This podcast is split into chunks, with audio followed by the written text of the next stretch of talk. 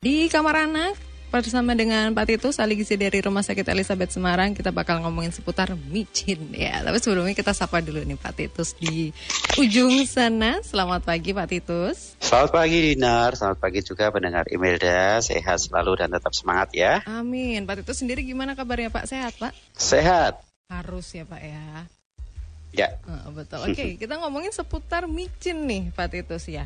Nah, uh, pasti kan banyak ibu-ibu yang rasa kayak mm -hmm. ragu gitu loh, apalagi memberikan micin untuk uh, makanan anak gitu kan. Tapi sebelum itu kan banyak ya Pak ya, ada yang bilang micin, ada yang bilang MSG, ada yang bilang penguat rasa, ada yang bilang penyedap rasa gitu. Nah, itu sebetulnya uh, beda semua kah atau sama sih Pak sebetulnya?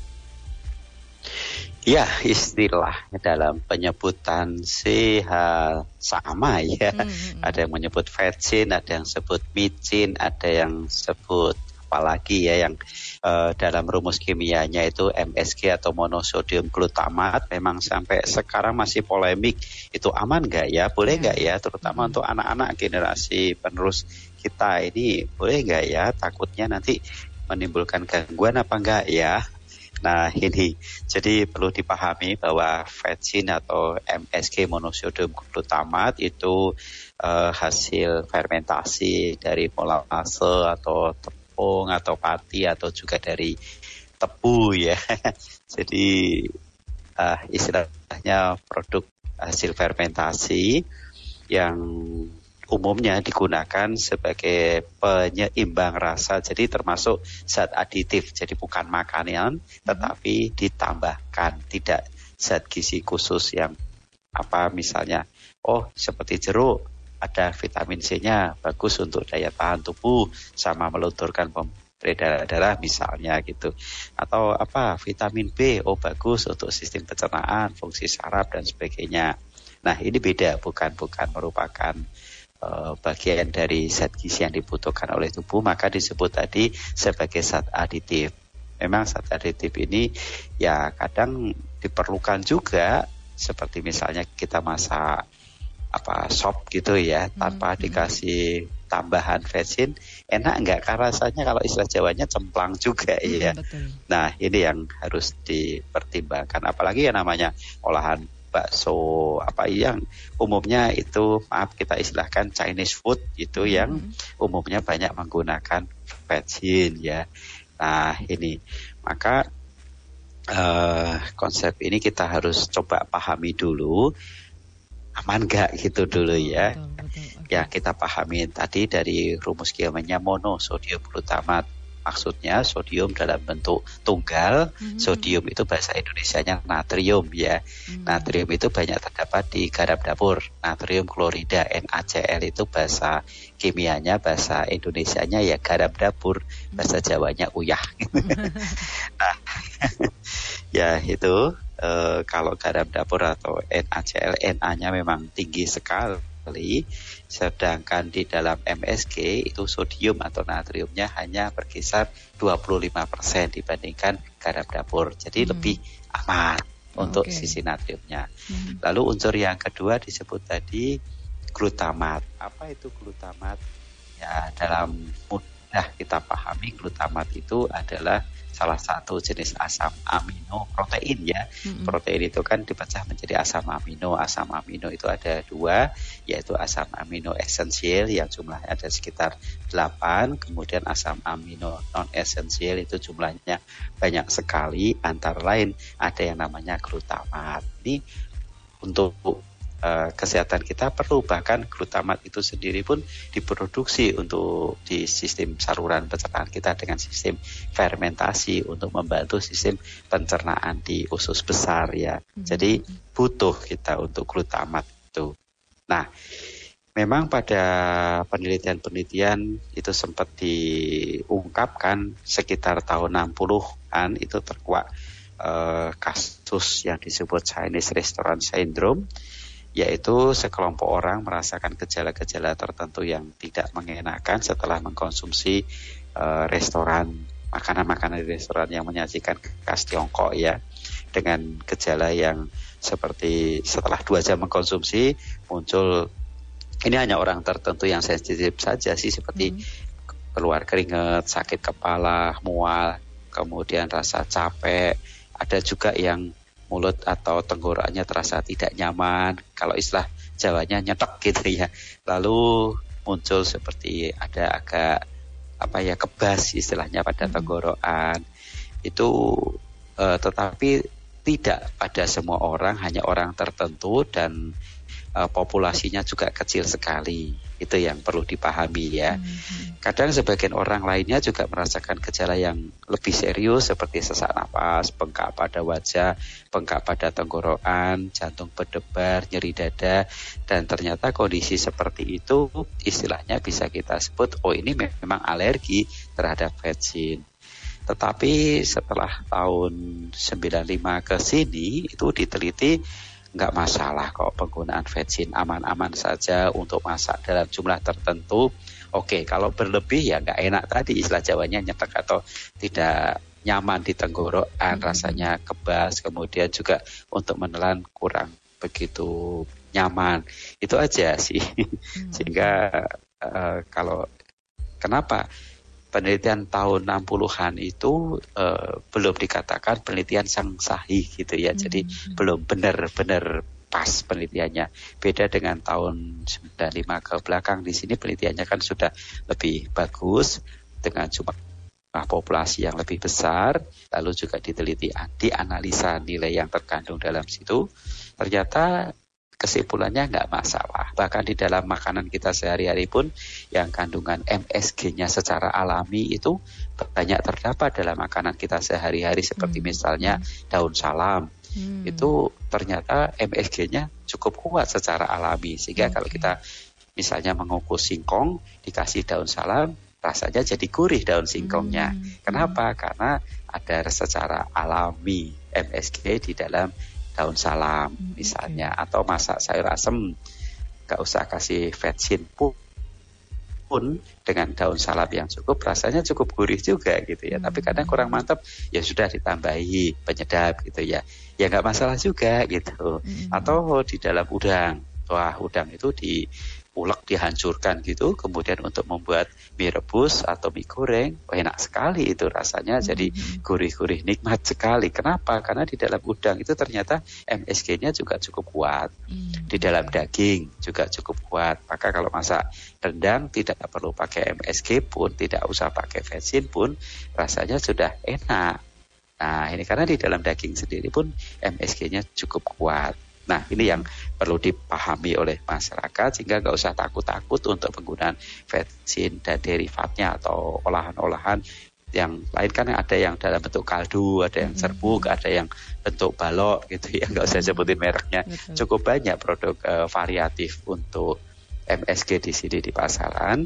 Yang prinsipnya oke okay saja, semua bisa, tetapi kalau bisa memang kita lihat Eh, bahan baku dan teknik pengolahannya yang seperti apa. Karena kadang-kadang ada yang ini lagu nih, ini pembuatannya. Bukan yang saya sebutkan tadi ya proses fermentasi dari tepung atau fermentasi dari tebu tadi tetapi dari bahan kimia murni kimia. Nah ini yang harus kita bedakan di situ ya. Jadi prinsipnya aman. Penelitian zaman tahun 60-an itu masih kurang cukup kuat lalu juga yang dikhawatirkan bisa menimbulkan uh, rumor-rumornya menyebabkan kanker, menyebabkan nggak pinter, menyebabkan mm -hmm. pendek dan lain sebagainya itu nggak benar semuanya, okay. gitu, Mbak Dinar. Berarti kan uh, sudah terjawab ya Pak ya MSG atau micin itu sebetulnya mm -hmm. cukup aman aja asalkan jangan berlebih gitu kan. Nah uh, yang jadi pertanyaan yeah. selanjutnya adalah berapa banyak sih Pak maksimum itu dikonsumsi supaya tidak jadi berlebih gitu?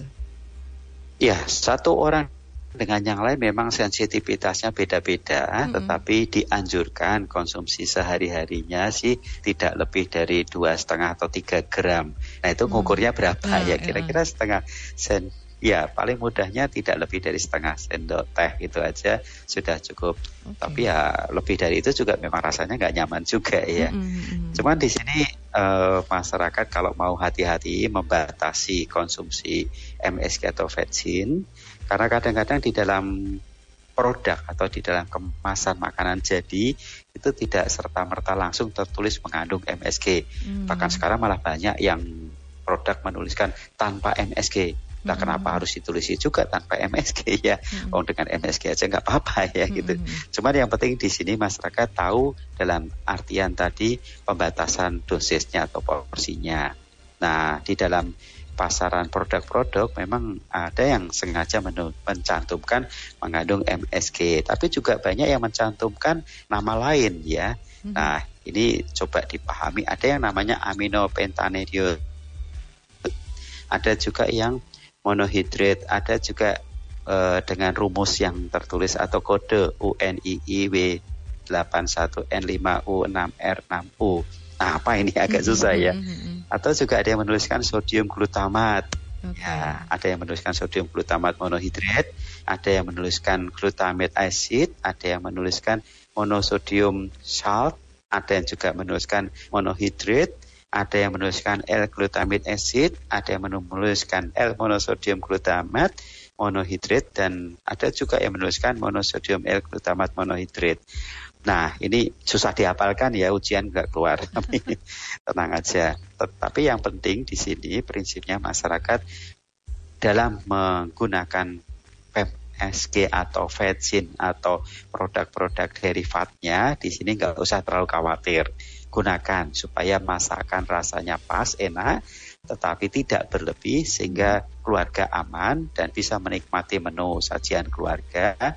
Tetapi ya ini yang terpenting adalah tercukupinya kebutuhan gizi keluarga terutama di sini anak-anak ya lauk kalau rasanya nggak enak nanti nggak bisa konsumsinya cukup bahaya juga hmm. sayur misalnya kalau masih cemplang rasanya nggak pas ya nanti nggak bisa makan sayur dalam jumlah cukup. Nah ini.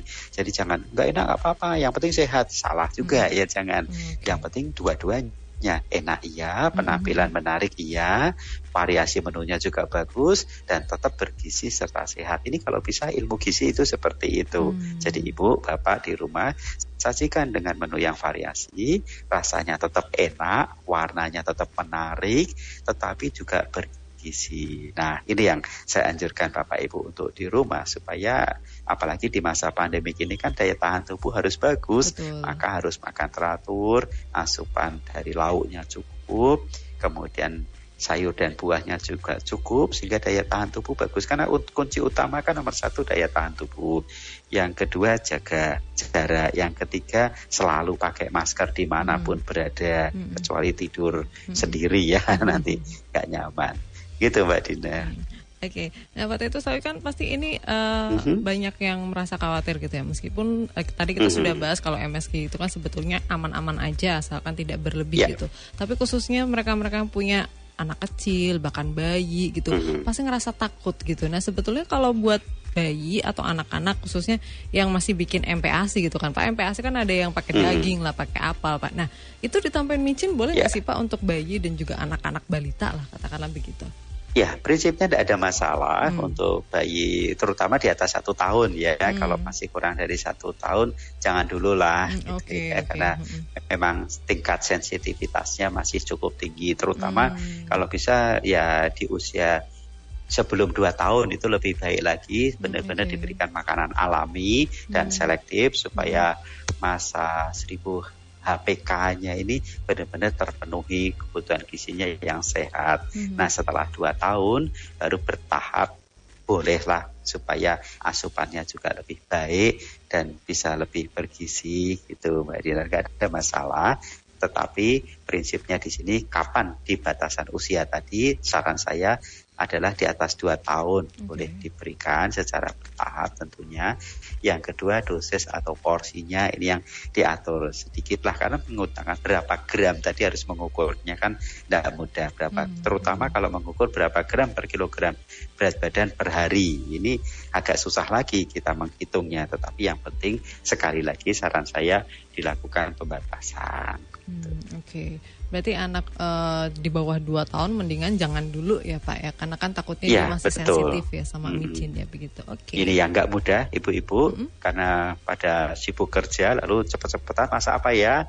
Nah, sering kali beli produk instan ya bubur-bubur hmm. instan di uh, toko minimarket supermarket hmm. kan banyak. Hmm. Nah boleh sih nggak apa-apa. Saran saya tetap berusaha nanti ada waktu ibu buatkan khusus untuk bahan alami kalau triknya ibu-ibu yang punya bayi untuk mm-hmm. pemberian MPASI diupayakan pagi atau malam sudah disiapkan berbagai macam olahannya ada empat atau lima macam lalu masukkan kulkas sambil titip sama yang di rumah.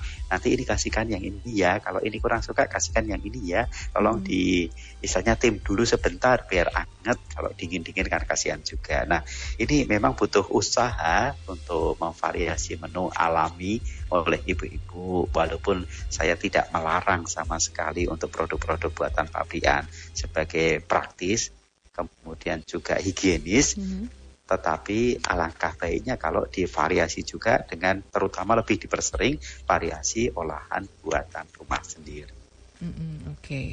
Uh, karena itu juga untuk anak ya Pak Ejer kan lebih uh, mm-hmm. ketakar gitulah ya apa-apanya ya, gitu. Betul. Uh, Oke, okay, nah Pak Titus tadi kan Pak Titus juga sempat nyinggung ada bahan-bahan alami yang mengandung mm-hmm. MSG alami gitu. Nah MSG alami mm-hmm. ini dibandingkan dengan MSG atau micin yang dibikin sama pabrik itu sebetulnya buatan ya. Uh, buatan sama aja atau lebih bagus yang alami sih Pak? Karena kan orang mikir gini, ah ini kan alami, nggak apa-apa. Jadi meskipun banyak pun nggak masalah kan, cuman akan ah, alami gitu. Nah itu gimana Pak yang betul Pak?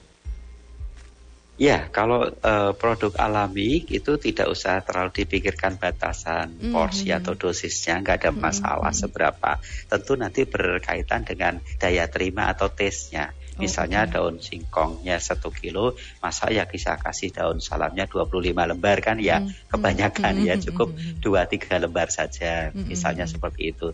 Tidak ada kewajiban harus menakar berapa gramnya mm. untuk penggunaan uh, eh, MSG alami tadi. Tetapi pada estetika terutama dari segi pasnya rasa itu aja sih, ada masalah gitu ya. Beda dengan uh, produk buatan pabrik ini yang memang harus kita hati-hati. Sama juga kita misalnya konsumsi vitamin C. Kalau vitamin C secara alami dari jeruk kita batasan sehari berapa ya? Hmm. Ya nggak usah diukur-ukur juga. Kalau mampu lima silahkan. Kalau mampu sekilo sehari ya monggo. Kalau bisa cukup tiga saja sudah memadai sih kalau tiga buah jeruk per hari. Beda dengan kalau konsumsi uh, tablet atau dalam bentuk cair atau dalam bentuk apa pun vitamin C buatan farmasi. Hmm. Nah ini tentu ada dosisnya okay. karena uh, buatan pabrik itu tentu sangat berbeda dengan alami proses di dalam tubuh kita. Hmm, hmm, hmm. Oke, okay. uh, berarti ya kalau yang alami nggak usah terlalu dipikirkan juga cuman kalau kebanyakan juga kalau hmm. alami ya nggak enak dari segi rasa gitu ya pak tapi berarti dari terlalu enak nanti betul tapi kalau dari segi kesehatan berarti kalau misalnya alami itu nggak apa-apa ya pak ya Nggak masalah. Oh nggak masalah, oke. Okay. Tapi kalau yang pabrik kalau kebanyakan ya bahaya juga ya, pak. Ya. Selain rasanya ya, juga. terutama uh -uh. Uh, terutama yang punya risiko kalau orang dewasa yang punya risiko penyakit jantung, mm -hmm. hipertensi, stroke itu kan perlu pembatasan asupan sodium atau natrium. Mm -hmm. Nah ini yang khusus ketiga kasus inilah lebih hati-hati.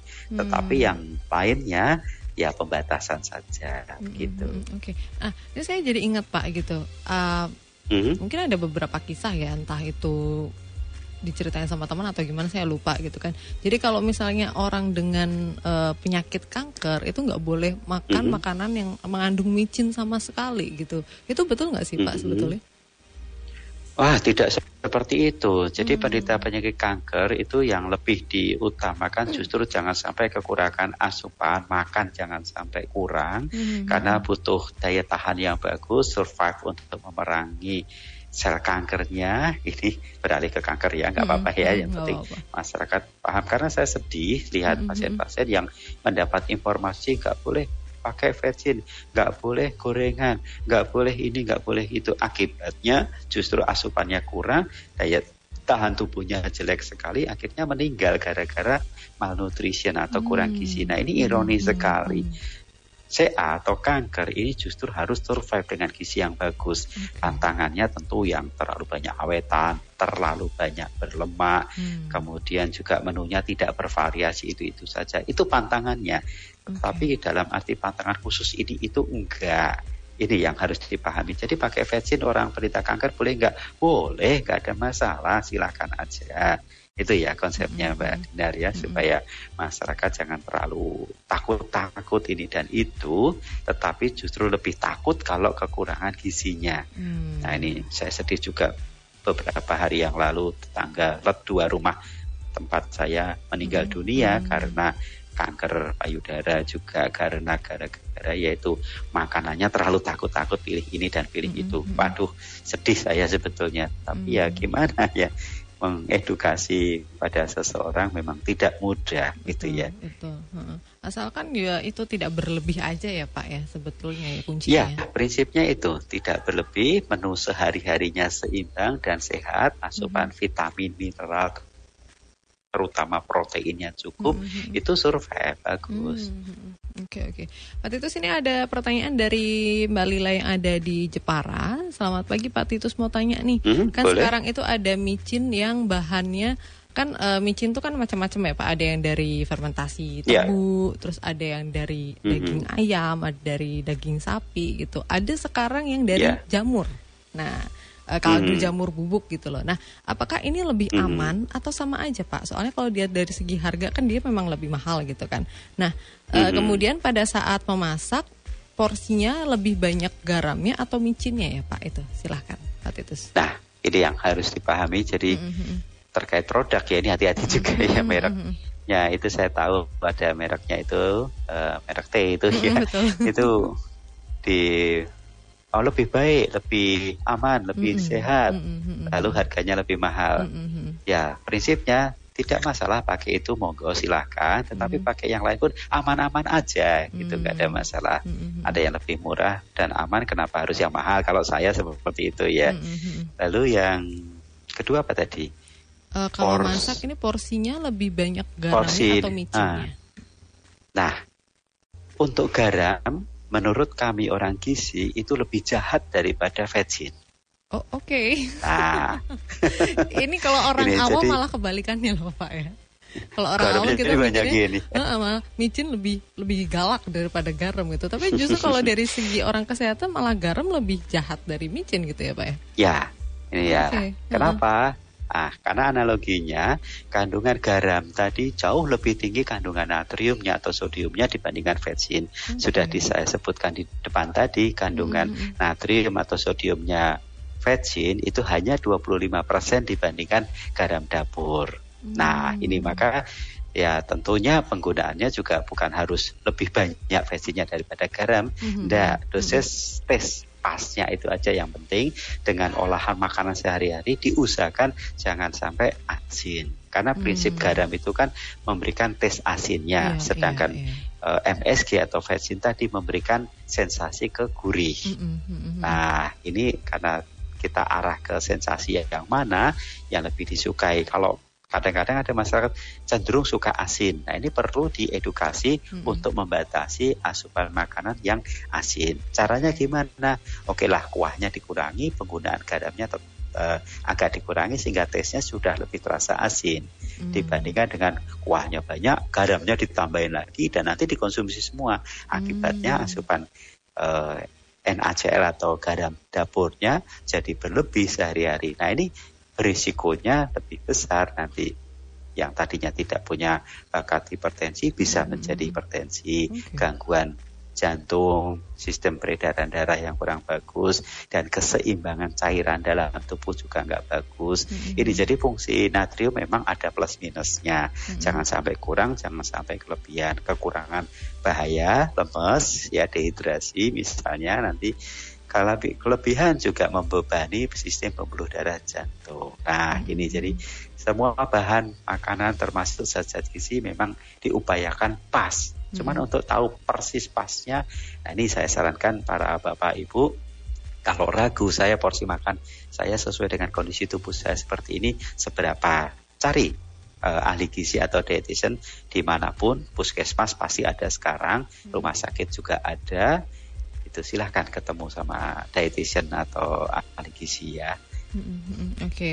Mbak Lila semoga sudah terjawab ya. Jadi uh, kalau mm-hmm. menurut ahli gizi malah justru garam lebih jahat daripada micin tapi bukan berarti micinnya dibanyakin garamnya dikurangin kayak gitu juga ya pak ya pokoknya yang pas aja takarannya seperti apa gitu nah ya. uh, pak Titus kan uh, hmm. tadi kita sempat singgung ada MSG alami gitu. Nah MSG alami itu apa aja sih. Pak selain tadi yang Pak itu sempat sebutin ada dari daun salam gitu kan. Ternyata dia juga ada MSG alaminya. Terus ada daging sapi gitu. Nah selain itu apa lagi Pak yang mungkin bisa dipakai sama uh, masyarakat gitu buat masak pengganti? Ya sebetulnya um, yang bisa dipakai secara umum mudah tadi hmm. seperti misalnya uh, daun salam, kemudian uh, dari sumber hewani seperti daging, kemudian uh, udang itu yang umum walaupun di dalam buah-buahan juga ada juga si MSG-nya, hmm tetapi yang umum tiga itu tadi udang, daun salam sama uh, daging. Misalnya hmm masak sop, dagingnya uh, direbus dulu kuahnya digunakan untuk menjadi kaldu mm-hmm. lalu dagingnya dipotong-potong menjadi sayur sopnya campuran daging itu rasanya sudah enak mm-hmm. tetapi kalau kurang mantap juga tambahi lagi penyedap silakan juga nggak mm-hmm. masalah mm-hmm. okay. konsepnya seperti itu jadi tidak harus uh, cari ini aja lah secara alami tetapi kalau misalnya kesulitan, ya sekarang di pasaran kan sudah banyak tersedia dalam bentuk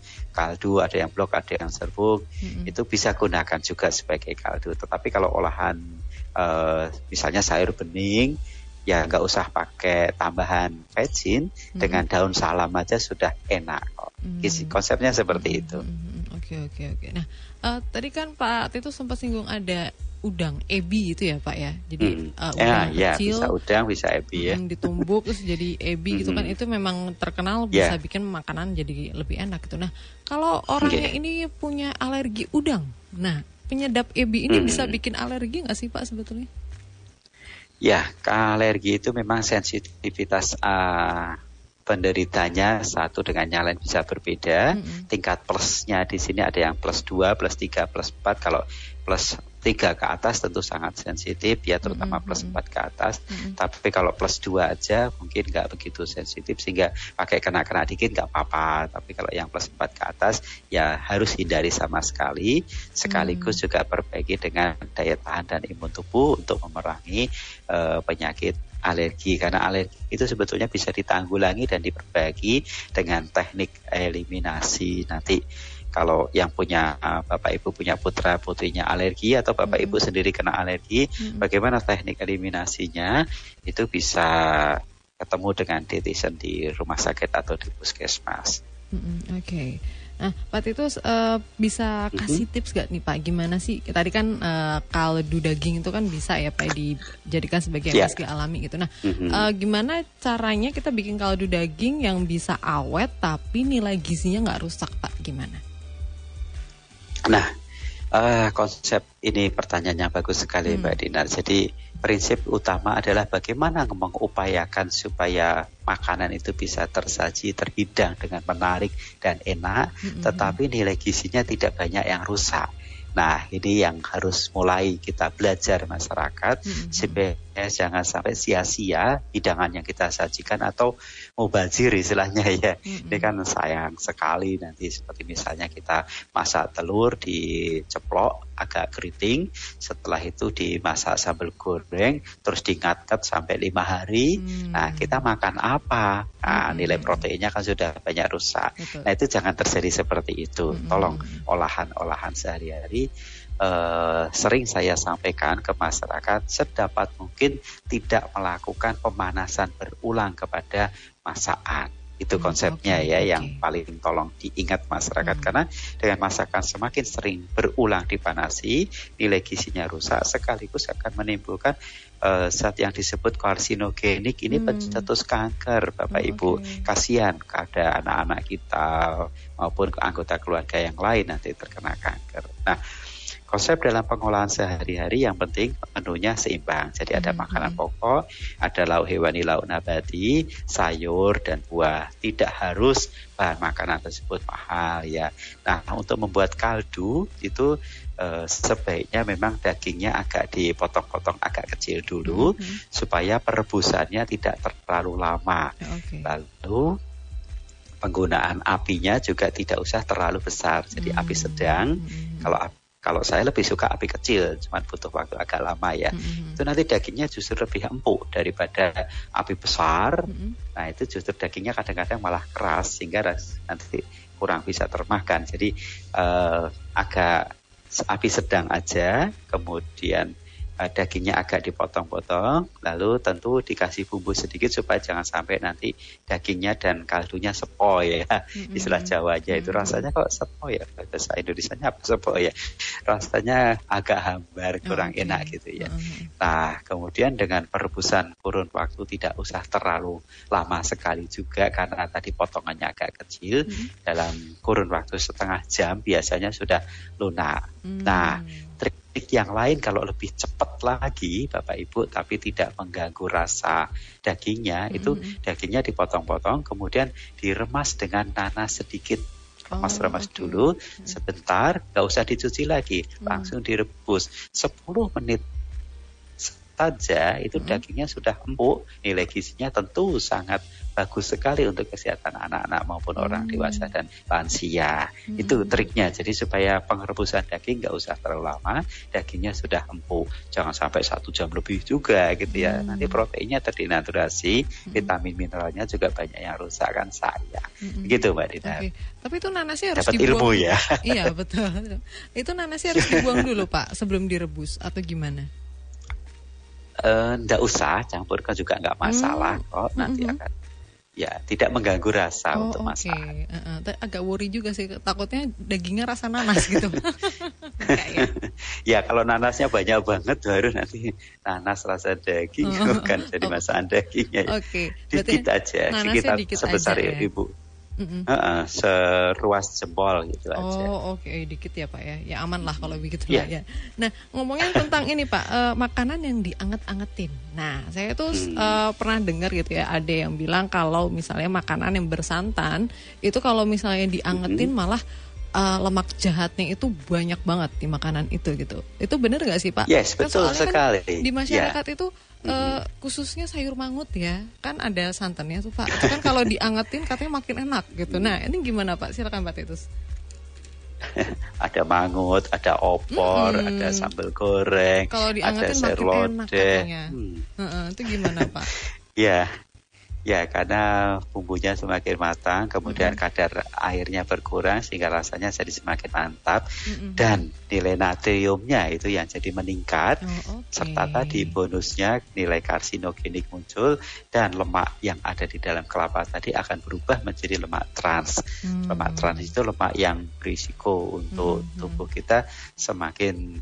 uh, meningkatkan uh, apa uh, memerangi antioksidan justru mm -hmm. menimbulkan oksidasi. Mm. Nah ini yang enggak bagus. Ini bahasanya agak susah ini ya. Mm -hmm. Tapi mudah-mudahan bisa dipahami masyarakat bahwa masakan bersantan juga sedapat mungkin jangan dipanasi berulang kali mm -hmm. karena akan selain merusak zat gizinya juga jenis lemak yang ada di dalam santan itu akan menjadi lemak yang tidak baik untuk kesehatan kita. Mm -hmm. Oke okay, ya apalagi kalau lemak trans itu sampai banyak itu sampai bisa ganggu kesehatan juga ya Pak ya kalau dikonsumsi terus menerus ya? hmm, ya. Betul hmm. sekali. Oke, okay. Pak Titus uh, karena waktunya mepet nih, sebetulnya masih banyak banget yang harus dibahas ya Pak ya seputar micin ini gitu. Tapi mungkin boleh Pak yeah. Titus kasih uh, kesimpulan dan juga tips gitu supaya uh, masak itu tetap enak tapi sehat juga gitu ya. Nah silahkan gimana mm -hmm. Pak Titus? Ya, uh, tipsnya ini yang sangat penting sekali untuk ibu dan bapak. Bapak juga boleh kok masak mm -hmm. ya, tidak hanya ibu aja ya. Bapak, ibu dan juga anggota keluarga yang suka masak di sini tolong penggunaan garam dan vetsin ini mm -hmm. dimasukkan terakhir sebelum uh, masakan diangkat dari panci supaya okay. penggunaan garam dan vetsinnya nih sedikit tapi tesnya sudah lebih mengena dibandingkan hmm. di awal apalagi saya sering lihat ada yang digongso garam spesinya itu digongso mm -hmm. bersama bumbu yang digongso itu ditumis ya. Mm -hmm. Nah ini justru uh, rasa atau tesnya dari bumbu tersebut kurang bagus nantinya. Nanti aja gitu ya. Mm -hmm. Jadi pem, pemberian garam dan vetsin itu di akhir masakan setelah matang dan siap akan tersaji. Itu lebih hmm. enak rasanya. Seperti kalau kita beli bakso. Hmm. Nah, sering kali tukang baksonya kan nambahkan vetsin sama garam di mangkok kita iya, pada iya. saat kita mau makan langsung nanti kasih kuahnya. Hmm. Nah itu tes rasanya endam banget gitu ya. hmm, ya. Okay, Tapi okay. gak harus sebanyak itu juga ya. Kadang uh. saya lihat banyak banget kasihnya. Uh, Waduh, satu sendok. Kebanyakan ya. pakai. ya tapi sebaliknya ada juga masyarakat beli bakso tanpa vetsin ya tuh hmm. gak enak juga ya kalau hmm. menurut saya cemplang atau hambar ya. Hmm. Nah ini wajar-wajar saja penggunaan bumbu itu supaya tidak mengganggu rasa makanan sehingga selera makan kita tetap terjaga, tetapi asupan natrium atau sodium dalam tubuh kita juga tidak berlebih sehingga kesehatan sistem peredaran darah, jantung, risiko kanker dan lain sebagainya ini bisa kita usahakan minimalisir atau kalau bisa kita hindari saja. Itu konsepnya. Eh, supaya kita sehat sehari-hari ya baik dimulai dari membiasakan dari anak-anak dan anak-anak juga kita upayakan bukan teknik menyuruh tetapi kita menggunakan teknik memberikan contoh ini loh makanannya papa seperti ini makanannya hmm. mama seperti ini yuk makan bareng ini makannya adik seperti ini hampir sama kan yuk makan bersama itu lebih mengena daripada kamu jangan makan ini ini dimakan tidak hmm. apa-apa apa udah kenyang hmm. nah seperti itu kadang-kadang sistem mendidik makan keluarga ini juga perlu hati-hati hmm. supaya anak biasa makan pagi, biasa makan teratur, kemudian biasa menu sehat, lalu bisa hati-hati dengan makanan-makanan yang kurang sehat. Mm-hmm. Ini sebetulnya masalah dari habit atau kebiasaan yeah. di anggota keluarga ya. Mm-hmm. Tidak bisa kita menyalahkan anak kamu susah makan gara-gara nggak nggak bisa seperti ini. Kita harus menengok di habit keluarga kita seperti apa. Mm-hmm. Kalau bapak ibunya nggak biasa sarapan, anaknya dipaksa suruh sarapan, nggak mudah juga. Hmm. Misalnya seperti itu, Mbak. Dinar. Coba mudah-mudahan dengan konsep pertemuan ini kita lebih menyadarkan hmm. diri dan keluarga supaya bisa lebih sehat dalam pemilihan bahan makanan hmm. dan uh, lebih bijak dalam penggunaan vaksin tadi karena di uh, pemerintah juga tidak ada larangan penggunaan vaksin dari POM juga tidak ada larangan. Jadi silakan gunakan sewajarnya saja hmm. dalam jumlah secukupnya karena di ada pasal yang mengatakan di POM juga bahwa silakan boleh menggunakan vaksin secukupnya. Nah, secukupnya di sini satu orang dengan orang yang lain tentu beda-beda. Hmm. hmm, hmm. Itu Mbak Dinar, mudah-mudahan bermanfaat.